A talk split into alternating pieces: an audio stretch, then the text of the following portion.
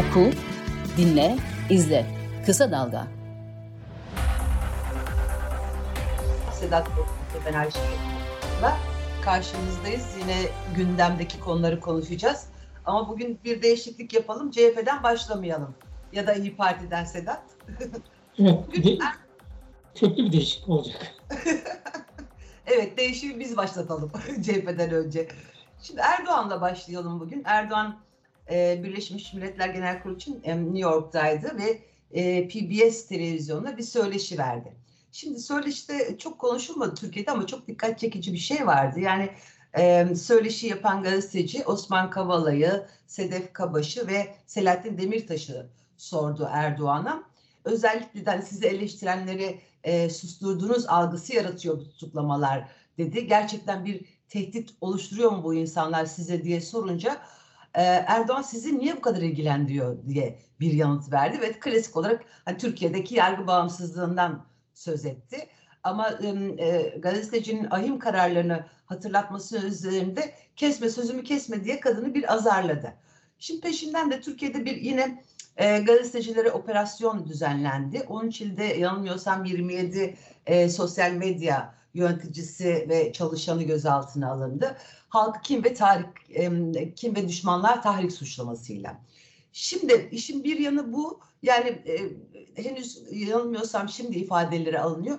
Tabii e, Türkiye'de biz çok alışkınız gazetecilerin böyle tutuklanması aslında alışmamamız gerekiyor ama ne yazık ki çok yaşadık. Şimdi ikisini yan yana getirince e, ortaya başka bir vahim manzara çıkıyor. Hani biz hep diyorduk yani burada kalmayacak zaten 3-5 kişi kaldı e, basın e, hala gazetecilik yapmaya çalışan. Şimdi bu o, o 27 e, e, 13 ilde 27 gazetecinin gözaltına alınması sosyal medya e, internet kullanıcıları daha doğru söyle söyleyeyim internet hesaplarının yöneticileri.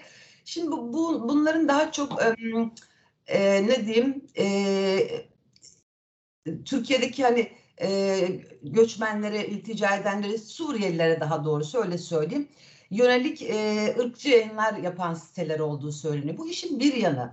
E, hani haklı kılmak için söylemiyorum. Sonuçta bir suç varsa çağırırsın, ifadesini alırsın ya da davanı açarsın. Ama toplu yapıldığı zaman sanki örgütlü bir suç varmış gibi hareket ediliyor. Ne olursa olsun fikir özgürlüğünden yana olduğumuzu belirtmek gere gereğini hissediyorum böyle durumlarda ama Erdoğan'ın bu sözleriyle e, bizi daha neler bekliyor diye buradan başlayalım istiyorum. ee, geçen hafta değil ondan önceki hafta yazmıştım. Ee, kötü günler geride kaldı daha kötü daha günleri Bu tespitte yola çıkalım. Çünkü bu çok sistematik bir şey. Böyle tesadüf anlık gelişmiş bir şey değil. Çok özür diliyorum. evet. Şimdi e, bunun bir sistematik bir şey olduğunu görmek lazım. Yani bu örneğin son alınan e, gözaltına alınan gazeteci grubu e, İyi Parti'ye, Zafer Partisi'ne daha yakın e, yayın yapan e, işte YouTube kanalı ya da muhtelif hesaplar. Yani burada bir ayrım gözetilmiyor. E, yani Örneğin sen Türkiye geçmişinden söz ettin basın özgürlüğü ile ilgili 90'larda sosyalist e, basının ve Kürt basının üstüne yoğun bir baskı vardı. E, ve bugün onları geriletti. Bugün bir sosyalist e, basından söz etmemiz çok mümkün değil. Birkaç evet. tane işte muhtelif partilerle var olmaya çalışan yayın organları var. Gazetecilik yapmaya da çalışıyor orada. Bunu da söylemek lazım. Perspektifleri politik kimliklerini yansıtıyor ama içinde haber barındırıyor. Bağımsız gazetecilik yapma çabası var orada. Ama geriledi. Yani pek çok dergiden, pek çok şeyden geriledi. Ee, şimdi bu, bu dönem e, toptan muhalefet, politik kimliğine bakılmaksızın, yani gene politik kimliğine, niteliğine bakılmaksızın benden sen varsın, benden değilsen yoksun. Bu kadar Yok. basit. Yani politik kimliği seninle de örtüşebilir. Yani öyle İslamcı İslamcı diye çok ağır bir eleştiri geliyor Erdoğan'a. Hani tabii ki böyle bir kendini öyle sunmaktan hoşlanıyor. İşini de kolaylaştırıyor ama onun karşısında yer alan daha İslamcı yapılar var. İşte Furkan bunlardan bir tanesi. Ha, demek ki bu kimlik burada var olmak için yeterli değil. Oradaki önemli olan e, nitelik ne? Muhalif misin, benden misin? Bu kadar basit. Benden değilsen başına gelecek muamele budur. Bunu biraz önce söylediğim gibi bir stratejiyle gıdım gıdım gıdım gıdım oya işler gibi işleyerek belli bir kıvama belli bir noktaya getirdi. Yani bugün Türkiye'de artık um, muhalif olduğu için gözaltına alınan insanlar çok fazla yadırganmıyor. Ee, çok normalleşti bu mesela. Yani sen normalleştirmeyelim, kabullenmeyelim dedin ama e, normalleşti. Yani ülke normalini kaybedince bunlar bir anda normal haline geldi. Ee, bir de yani bu yerel seçimden sonra da bunu gördük. Ee, işte ben o yazımda da söz etmiştim zaten. Muhalefetsiz bir alan istiyor Erdoğan kendisine. Bunu ya gönüllü, rızalı şekilde yapmanızı istiyor. Muhalefette bunu görüyoruz. Hani bu kadar net ifade etmiyor ama uyum sağladığını gördüğümüz koca koca yapılar var, koca koca siyasetçiler var. Ee, ya da e, sen rıza ile yapmazsan ben bunu zorla yaparım. Zaten burada bir aşamada kaydettim diyor. E, şimdi hani bu, bu, bu tablonun okuması budur. Bugün muhatap olmuyoruz buna yani. İşte hani ilk 7-8 yılı, daha da 9 yılı çıkaralım, 2010'a kadar gelelim. O cemaatin de çok güçlenerek kendisine bir güç fehmettiği ve yaptığı her şeyi herkes tarafından doğru kabul etmesini istediği dönemlerde başlayan bir şey var. Ee, çok ciddi bir kutuplaşma var, çok ciddi bir baskı var. Ee, o zamanlar çok fazla anlamıyoruz. Örneğin nasıl bir medya düzeni e, istediklerini anlamamız için şu somut bir örnekte ama o zaman birazcık AB süreci gibi bir bağır havası vardı. Bu sadece liberalleri değil, toplumun muhtelif kesimlerini e, etkilemişti. E, hani bir güven sorunu var mıydı? Vardı o zaman. Sonuçta karşınızda katı, sağcı, İslamcı bir yapı var. Yani bu, bu AB sürecini tamamlasa dönecek, dolaşacak gene orada tıkanacak yani. E, yani Cem Uzan'ın elindeki Star gazetesine konulduğu zaman Star gazetesi devletin eline geçtiği zaman, TMSF'nin eline geçtiği zaman mükemmel bir gazetecilik yapmadı. Tam tersi Cem Uzan'ın elinde nasıl tetikçilik yapılıyorsa orada TMSF'nin elinde yani iktidarın elinde, AK Parti'nin elinde de aynı işlevini sürdürdü. İçerik değişti sadece. Yani eskiden karşı tarafta yer alıp sana ateş ediyorlardı. Şimdi senin yanında yer alıp karşı tarafa ateş etmeye başladılar. Bu bir önemli şeydi, e, göstergeydi. Biz burada çok fazla ayıkmadık. Dediğim o iklim hepimizi etkilemişti doğal olarak. Kesinlikle. bir de yani bu noktaya geleceğini çok fazla ıı, düşünemiyorduk. Çünkü niye? 90'larda da kurulmuş bir direnç hattı vardı. Bu kadar ileri gidemez diye düşünüyorum. Tabii kesinlikle. Şimdi bu AB sürecinde bu direniş hattı yani baskıyla falan yok olmadı. Biraz önce söyledim işte sosyalist basının, Kürt basınının ya da soldan bakan muhalefetin e, etkisinin azalması baskıyla olmadı. Baskı oraları büyütür biliyorsun zaten. Tabii. AB sürecindeki o yumuşak iklim. Yani artık e, belli bir kıvama geldi. Memleketteki demokrasi mücadelesi ve buna katkılar da vardır. İnkar edemeyiz bunu. E, artık bir, bir, bir değişik bir mecralara, değişik bir alanlara, değişik söylemlere taşımak lazım. Bunu gibi hani ben atıyorum burada. Böyle bir hissiyatla hareket edilmiş de olabilir. Çünkü o dönem işte gerçekten AK Parti, Sosyal Avrupa Sosyal Demokrat Sosyal Internasyonel'e gel üye ol başvur diye çağırdıkları dönem. Yani AB uyum mevzuatı üzerinden bunları kendi iradeleriyle yapmadığını biliyoruz ama en azından mecburiyetle bunu yapıyorlar diye de şey yapıyorduk, e, hoşlanıyorduk. Ben desteklemedim tabii ki. Bunun altını bir çizim kalın da hani o yapıyı bildiğim için e, o da o dönemlerde de hani yaptıkları işleri e, tabii ki onaylarım, desteklerim ama e, bunlar yaptı diye bunlara oranın şeyini, puanlarını oraya yazmam. Yazmadım da yani. E, 2010'daki referandumda bile ben çok katı bir e, hayırcıydım. E, çünkü hani yargı sisteminin üye yapısını değiştirerek yani kendinizden insanlar oraya koyarak yargıyı bağımsız hale getiremezsiniz. Bu kocaman bir aldatmacadır. Ha bir de beni şunla kandıramazsınız. 12 Eylül'ü yapanları yargılayacağım. Ben birazcık daha bu işlere kafası çalışan bir adamım. Yani beni zor ikna edebilirsiniz ama başarılı olmuş yar, başarılı olmuş darbeyi yargılayamazsınız. Hele başarılı olmuş darbenin, darbenin oluşturduğu kurumlarla onu yargılamak fantazidir.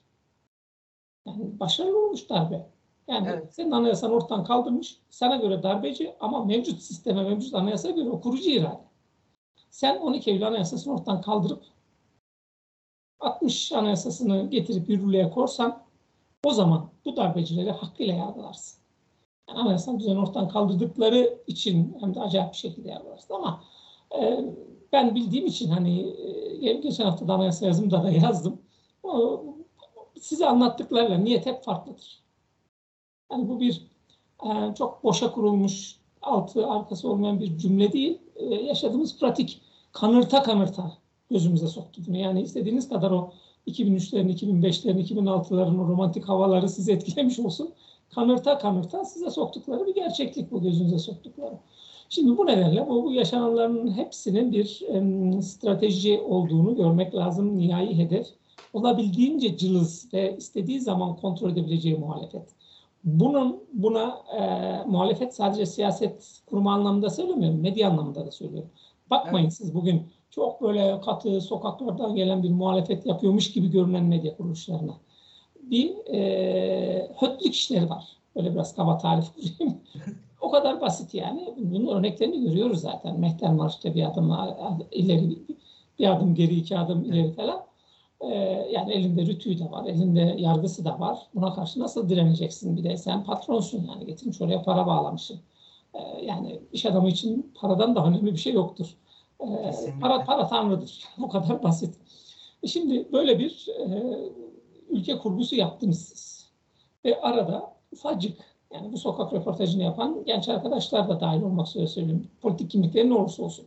Sokağın bir e, tutumunu yansıtıyor sen sana bana ve ben o tutuma göre de bir e, görüş fikir oluşturuyorum. E, buna bir katkı sağlıyor. Yani bir, bir fikir edinmeme katkı sağlıyor. Sokağın ruh halini anlamam için bir katkı sağlıyor. Buna bile tahammül ediyor. Yani izlenme oranlarına baktığımız zaman yani e, söyledikleri gibi halkı kin, nefret bilmem ne yapacak bir durumda değiller. O kadar güçlü olsaydılar şimdi beş kere olurdu zaten. Bu halk birbirinden yani gırtlak gırtlağa girmiştik şimdi. Yani öyle bir şey de yok yani. Yani bunu kürsüdeki hakim nasıl buna ilişkin bir hüküm kuracak onu da e, bilemiyorum ama yani kürsü hakimi dediğin ne kadar kürsü hakimi işte yani e, neydi Bora yeni Ay, maf, Ayhan Bora Kaplan. Ayhan Bora Kaplan'ın e, iddialarında geçen e, yargı mensupları e, keyifleri gıcır. Senin benim kadar bu işler onları rahatsız etmiyor ilginç bir şekilde. Ama bu, bu düzeni kurdu. Artık bu düzen bu düzen. Yani mevcut e, ekonomi düzeni, Erdoğan Evet. düzeni. Batı'ya mevcut- da ama Batı'ya da bunu kabullendirmiş görünüyor öyle değil mi? Tabii kesinlikle yani. Ben- Benim tezim bu zaten. Batı da burada çok işte tam oraya geleceğim. Amerika'daki mesele. Yani Amerika'nın uluslararası kabul gören habercilik yapılan kurumları var. Hani refleks itibariyle son noktaya geldiklerinde yani zurnanın son deline geldikleri zaman bir milliyetçi refleks gösteriyorlar ama sonuçta habercilik yap, haberciliklerini çok rahat sorgulayamazsın bunları. Yani işte Ebu Garip cezaevindeki işkenceleri Amerikan medyası ortaya çıkardı. Kendi hükümetini bu kadar sıkıntıya soktu ki başkanının istifa etmesine neden olan haberler yapmış bir medya geleneğinden söz ediyoruz orada. Ee, şimdi burada deve dişi gibi kurumlar varken ben de adını ilk kez duydum. Niye bu kurumda bir röportaj yapma gereği duyuldu? Yani Erdoğan'ın medya ile ilişkilerini biliyoruz. Ee, gazetecilerin kendine ait sorularının dillendirilmesine bile, içeriğine müdahale etseler bile izin verilmeyen bir medya düzeni var. Yani gazeteci dediğiniz ellerine verilen soruları okuyan, perfora yapan e, muhabirlerden oluşuyor. Şimdi e, Amerikalı bir gazetecinin karşısına bu, bu formatı oluşturmuş birisinin çıkması bir kafadan e, şüphe uyandırıyor. E, ben bu şüphemi uyandırdım. E, bir orada o kadar hani tüm dünyaya mesaj verecekseniz araç bu değil.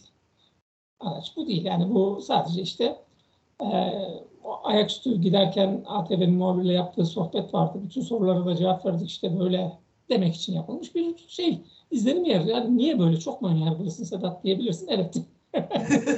Yok öyle bir şey söylemiyorum. Haklısın.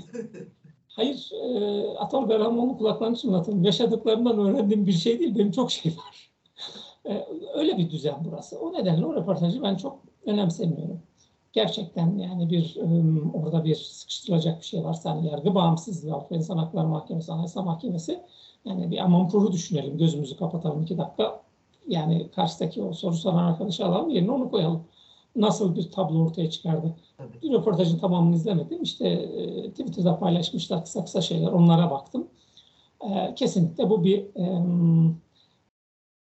rafine gazetecilik yapma niyetiyle hareket eden, orada da çünkü muhtelif kanallar var. E, Amerikan haberciliğinin soruları yok orada. Oku, dinle, izle. Kısa Dalga. Yani gerçekten CNN'in orada gerçekten iyi gazetecilik yapan muhtelif kurumların e, muhabiri olsaydı bu röportajı yapan röportajdan sonra muhtemelen oradaki kamerayla ya da kameranın tripoduyla onu döverlerdi. Yani işten atmakla getirmezler. O nedenle bu bir e, kurgu gibi geliyor bana. Yanılıyor da olabilirim. Mesaj kaygısı taşıyan bir söyleşi diyorsun. E, mesaj oraya değil buraya ama oraya da var. Şimdi bu şey bir um, dışarıdan okumasını yaptım. Yani bir fotoğraf analizi yaptım. Şimdi içeriye girelim. Hı hı. Ee, hani sizi niye bu kadar ilgilendiriyor cümlesi o soru yanıt verilmiş değil. Tüm dünyaya verilmiş bir yanıt. Evet. Ya arkadaş hatta bunun bir de şeyi var yani unsuru var. Tek başına söylemiyor bunu. Biz diyor sığınmacılara bakmaya devam edeceğiz. Biz buna bakacağız. Siz de buna bakmayın. bu kadar basit. Evet. Aynen. Gelmek istediğim nokta buydu aslında. Ya, hayır biliyoruz çünkü yani bunları biliyoruz. Hayır e, Erdoğan siyasetini de biliyoruz işte. Ee, işte seçimler öncesinde mülakata kaldıracağız. Seçimden sonra mülakata devam. E, bu, bu sadece bu da değil. Bak ben e, ne zaman yazdım ya? Genelde sık sık yazıyorum bunları. Çünkü ben de unutuyorum. Hepimiz unutuyoruz. Unutmamamız lazım. Ee, Erdoğan siyasi yasaklıyken 2002 seçimlerinden sonra tüm dünyayı gezdi. AK Parti Genel Başkanı e, sıfatıyla tüm dünyayı geçti. Hatta Amerika'ya iki kere gitti geldi. E, 20 küsur ülke gezdi. 20 küsur ülkede kurduğu cümle şuydu. Siyasi yasağım nedeniyle manevi işkence çekiyor. Ve çok ağır eleştirdi ülkesini siyasi yasak nedeniyle. Şimdi e, hani devletimiz var, devletimiz e, devamlılık arz eder, devletimiz kutsaldır, dokunmayın, hele devletin kurumlarına hiç elleşmeyin, yargıda dahil olmak üzere. E şimdi bir anda e, yargı bağımsız oluyor, bir anda devletin kurumları kutsal oluyor. Ama makarayı sarıp 20 yıl öncesine gittiğimiz zaman aynı devlet, devamı olduklarını söyledikleri devlet e, kendisine işkence uygulayan bir devlet haline geliyor. Yani tipik bir e, Erdoğan AK Parti siyasetiyle karşı karşıyayız. Kendisi ne yapıyorsa doğrudur. Onun yaptığının aynısını sen yaptığın zaman hem yanlıştır hem de suçtur. Bu kadar basit. Burada da o tabloyla karşı karşıyayız. E şimdi burada da e, Osman Kavala sorusu doğru bir soru. Sen çünkü buradan e, giderken AB'den çıkacağız diyorsun ama uçak inince e, AB ile devam edeceğiz diyorsun ama AB ile devam etmek sadece bir söylem değil. Bir nitelik. E, AB sürecini eleştirebilirsin. Ben de eleştiriyorum.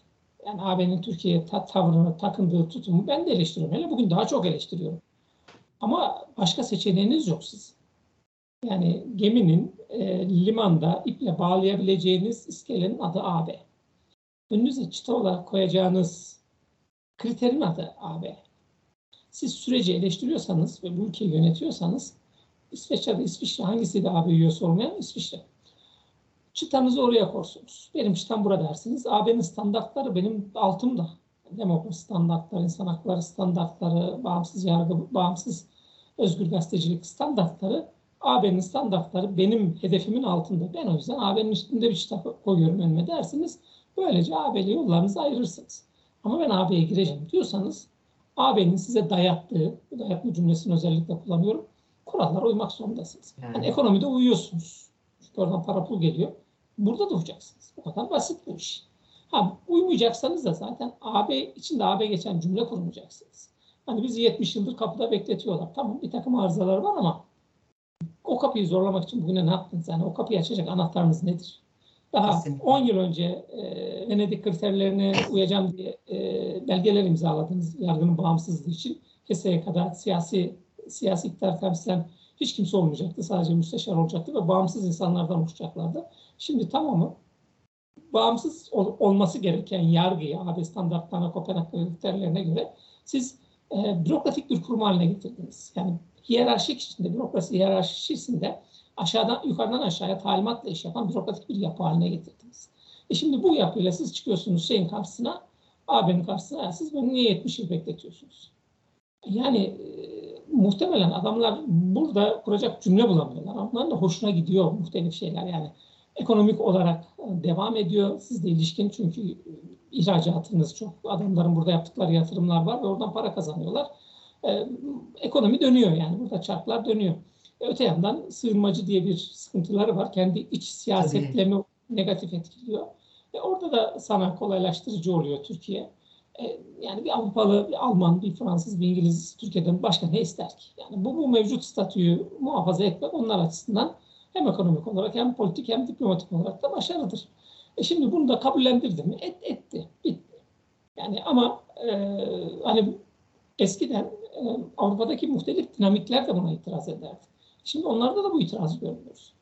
Ben bir gün Alman bakan gelmişti 3-4 yıl önce işte. Burada çay kahve içiyorduk.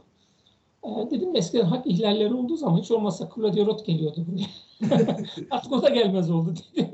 Şöyle kaldı. Gerçekten öyleydi. Yani. Doğru ama işte bu bu söyleşi onu ortaya çıkarıyor. Yani orada verdiği yanıt. Ya ben sığınmacıları tutacağım ama siz de senin dediğin gibi bana karışmayın. Beni rahat bırakın. Türkiye'nin içini görmeyin, istediğimi yapayım. Zaten yapıyordu ama dediğin gibi daha önceden en azından ses çıkarılıyordu, itiraz ediliyordu. En azından kaygıyla izleniliyor diye bir şeyler söyleniyordu.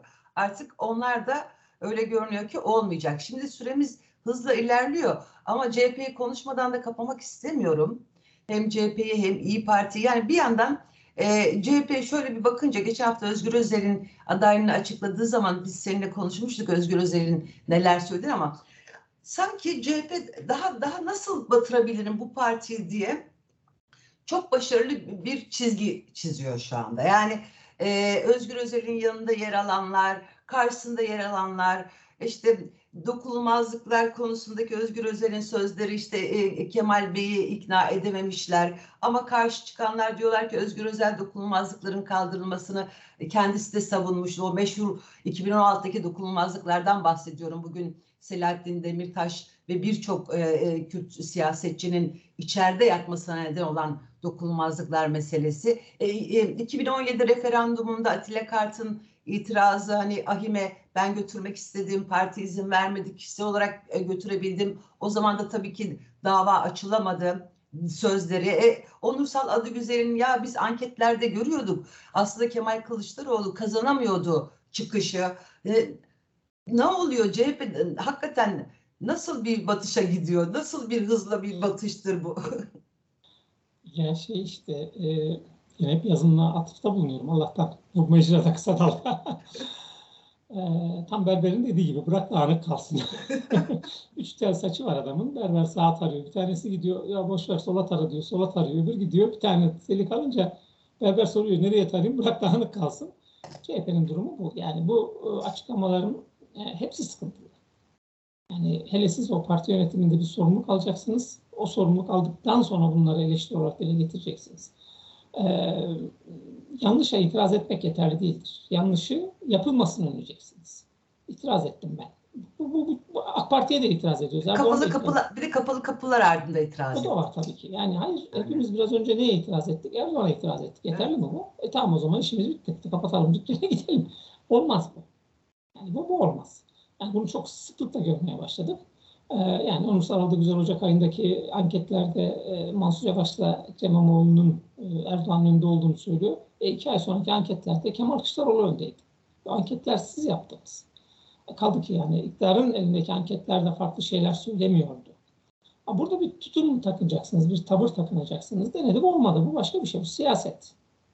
E, ama işte o zaman böyleydi, şu zaman bu zaman böyleydi dediğiniz zaman sıkıntı oluyor. Dokunulmazlık meseleleri. O dönem çok tartışıldı. CHP'nin içinde e, red oyu verenler oldu, hayır oyu verenler oldu. Yani anayasa değişiklik olmasına rağmen. Kemal Kılıçdaroğlu'nun oradaki tavrı şuydu. E, referanduma gitmesini önlemeye çalıştı. Çünkü referanduma gitseydi biliyorsunuz sihirli cümlük orada. Terörle mücadele artık Kürt. %70'de %80'le geçerdi.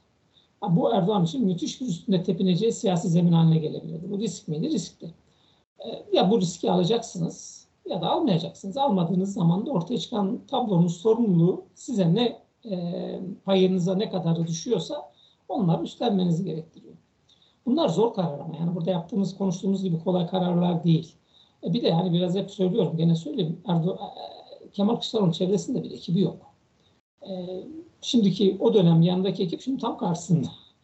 o dönem o yanlışı yapmayı, e, onu, onu engelleyebilecek ekip Bugün geçmişler karşısında bu yanlışı hatayı ne yaptın diye soruyorlar.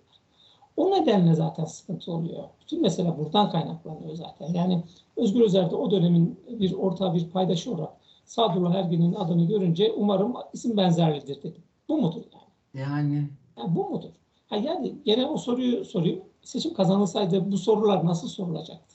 Bunlar gündeme bile gelmeyecekti. Gelmeyecekti. Ya, hayır hala şunu anlamıyorlar. Yani önlerine koydukları hedef sadece Kemal Kılıçdaroğlu Cumhurbaşkanı yapmak, mecliste çoğunluğu sağlamak. Olmadığı zaman ne yapacaksınız? Bir planınız yok muydu sizin? Siyaset bu mudur? O zaman seçimi kaybeden her siyasi parti dükkanı kapatsın, çeksin gitsin evine barkına. Yani bu burada niye siz bir bu ele geçirdiğiniz mevziyi bir direnç hattı olarak tahkim edip oradan ilerlemiyorsunuz arkadaş. Yani bunu İyi Parti'den beklemem. Çünkü onlar sadece izliyorlar. Yani orada da olabilirler, burada da olabilirler. Bu durumu açıklayacak, açıklamak için cümle kurmalarına bile gerek. Ama sen yani hani çok katı bir solcu olarak ifade etmesen bile kendini bir sosyal demokrat olarak ifade ediyorsun ki bu o politik kimliğin gereğidir. Bunu yaptığınız zaman o politik kimliğe sahip olursunuz zaten. Şimdi bu nedenle yani herkes zaten içine kapanmış. Türkiye'de bir, bir muhalefetsizlik var. Ee, Erdoğan istediği gibi bir Türkiye kurgusunu artık e, aşama aşama o stratejisiyle kurmuş vaziyette. Burada CHP biçtiği pozisyonda buydu anladığım kadarıyla ve buradan CHP'yi de e, bu o, o, o kısma monte etmiş vaziyette. İyi Parti'yi de bu kısma monte etmiş vaziyette. HDP siyasetinin yeşil solu da bir noktaya gerileterek ama gerileterek evet. onu da altını çizmek lazım. Oraya monte etmiş vaziyette. Aynı biraz önce söylediğim gibi medyada olduğu gibi hani muhalefetsiz sıfır değil ama etkisiz ihtiyaç halinde ayar verilebilecek bir e, kendisine göre müthiş bir e, ülke dizayn etmiş vaziyette. Bu dizayn neye yarayacak? Üç senelik bir plan bu işte. Bir Nisan'dan başlayacak bir IMF, Kemal Derviş politikaları. Bu Erdoğan politikası. Yani hiç buna şey yani bir kriz içindeyiz, kriz yönetiyoruz, enflasyonumuz yüksek düşürecek falan filan bakmayın. Ne, Nebati'nin politikası da Erdoğan politikasıydı. Kemal Mehmet Şimşek'in politikası da Erdoğan politikası. Buradaki e, özet ne? Şu. Altta kalanın canı çıksın. Yani dar gelirlerin hali ne varsa görsün. Ben, bana destek olan, benimle birlikte hareket eden sermayedarın işine, hoşuna gidecek işler yapmaya devam edeceğim. Devlet aygıtıyla devam edeceğim. Nebati'de de yaptığı buydu. Mehmet Şimşek'te de yapacağı bu. Üç yıl sonra ne olacak? İşte aynı 2000'lerin ortalarında muhatap olduğumuz e, ekonomik ortam ortaya çıkma ihtimali yüksek. Çünkü matematik bunu söylüyor. 1 Nisan'dan itibaren siz bu um, ekonomik politikaları uyguladığınız zaman ki bunlar reçetedir, kemer sıkmadır, e, uyguladığınız zaman e, devletin gelirleri artıyor, devletin harcaması azalıyor, enflasyonun düşüyor. Çünkü insanlar da sağdan soldan para alacak, e, mal alacak, hizmet alacak para olmuyor. E, bir, bir elde ed- ediyorsunuz. Faizleri de yükselttiğiniz zaman e, ülkenize de para geliyor. Menşei önemli değil zaten. Son 6-7 yıldır önemli olmayan menşeyle giren kaynaklarla memleket yönetiliyor. E bir de sizin yönetiminizi finanse eden e, dış ülkeler var. Bu, bu da acayip bir şey yani. Bunu da içine sindirmiş vaziyette memleket. 2-3 e, yıl sonra bu göreceli refahlık üzerine amca tekrar aday olur mu? Olur. E, yani Erdoğan aday olur. O seçimi de o göreceli ekonomik refahlığın yarattığı iklimle e, kazanır. Çünkü seçim odaklı bir lider. Bütün algoritmasını seçim kazanmaya yönelik yapıyor. Önündeki tek sıkıntı şu, e, erken seçim kararı almak zorunda ki onu da herhalde e, seçimin normal zamanda yapılacak 2-3 ay öncesinden alacaktır, almaya çalışacaktır.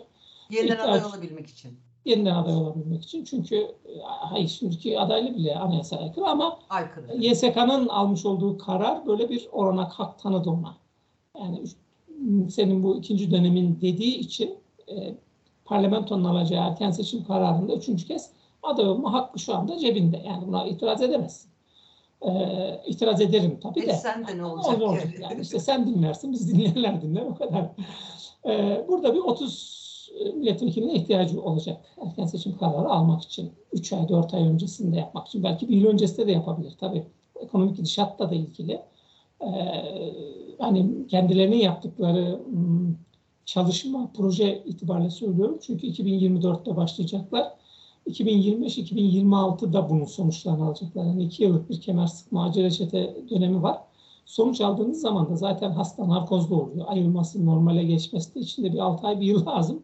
O yüzden e, seçimlerin yani 5 yılda değil 4 4,5 yılda falan yapılma ihtimali olduğunu söylüyorum ben. E, orada bir 30 milletvekili, 40 milletvekili bulduğu zaman erken seçim karar alacak, tekrar aday olacak ve o seçimde şimdi muhatap olacağı yerel seçim kadar kolay bir seçim olacaktır.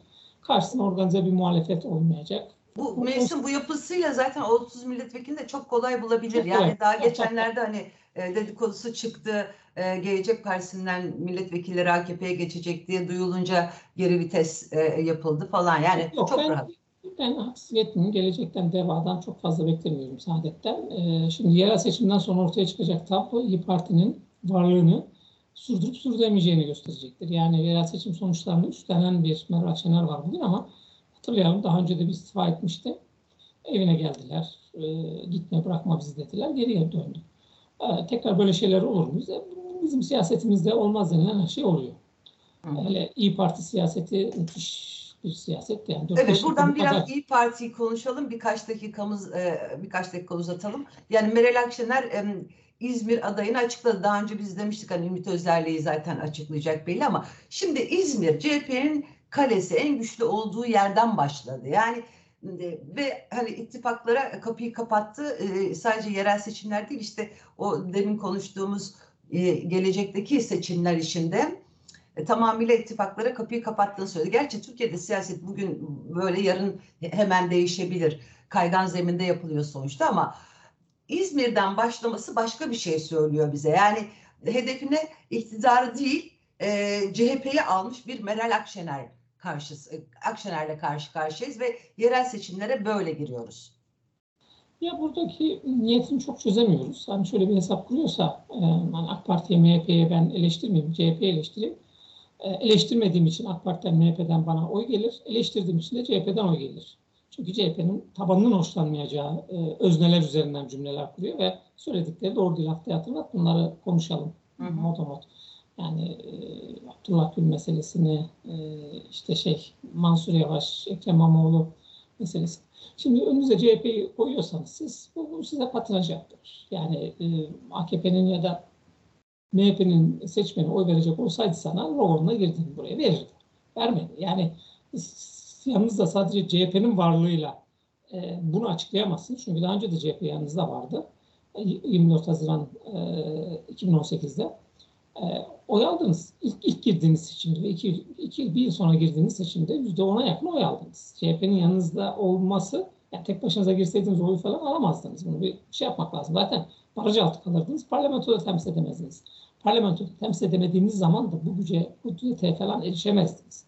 2019 e, seçimlerinde beraber aday desteklediniz. Yani CHP'nin adayını desteklediniz hem siz kazandınız hem CHP kazandı. Şimdi yani bu 3-4 yıllık ve 5 yıllık pratiğe baktığınız zaman söylediğiniz şeyler doğru değil. Ya da bu 5 yıllık pratikten bugün söylediklerinizin bir çıkarım olarak dillendiremezsiniz. Doğru olmaz yani. O nedenle yani 5-6 yılda bu kadar savrulan bir partinin önünde 5-6 yıl olur mu olmaz mı onları konuşmak lazım. Ama burada kendisine zarar verirken bir taraftan da bunu görüyor zaten söylüyor işte maliyetin üstlenirim olacaksa olsun falan diye böyle çok siyaset dili değil bu zaten. Ee, şey de ya Türkiye'deki e, muhaliflerin de moralini bozuyor. Sadece CHP'ye yönelik bir şeyden söz etmiyorum ben. Tabii. Yani tamamen muhalefet bugün e, ortadan kalkmış vaziyette. Yok. Yok yani. Yok hükmünde e, neredeyse Büyük Birlik Partisi Genel Başkanı ona muhalefet olacak. Yani durmadan işte emekli maaşı üzerinden bir şeyler söylüyor. Kayıp ilanı verelim muhalefet için. evet. Aslında süremizi açtık ama dediğim gibi bu meseleye e, önümüzdeki hafta eğer e, e, siyaset izin verirse ya da CHP'de başka bir şey çıkmazsa bunları konuşalım isterim. Sedat çok teşekkür ediyorum. Ben teşekkür ediyorum. Kolay gelsin. Hoşçakalın. Hoşçakalın.